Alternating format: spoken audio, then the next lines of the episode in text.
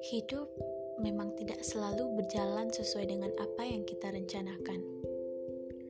Seringkali sesuatu yang tak pernah terfikirkan sebelumnya membawa perubahan besar dalam hidup. Bahkan ketika kamu menyukai sesuatu, tapi itu tidak baik bagimu.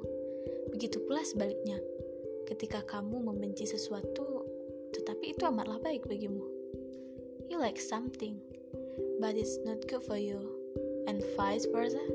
Something you hate is very good for you.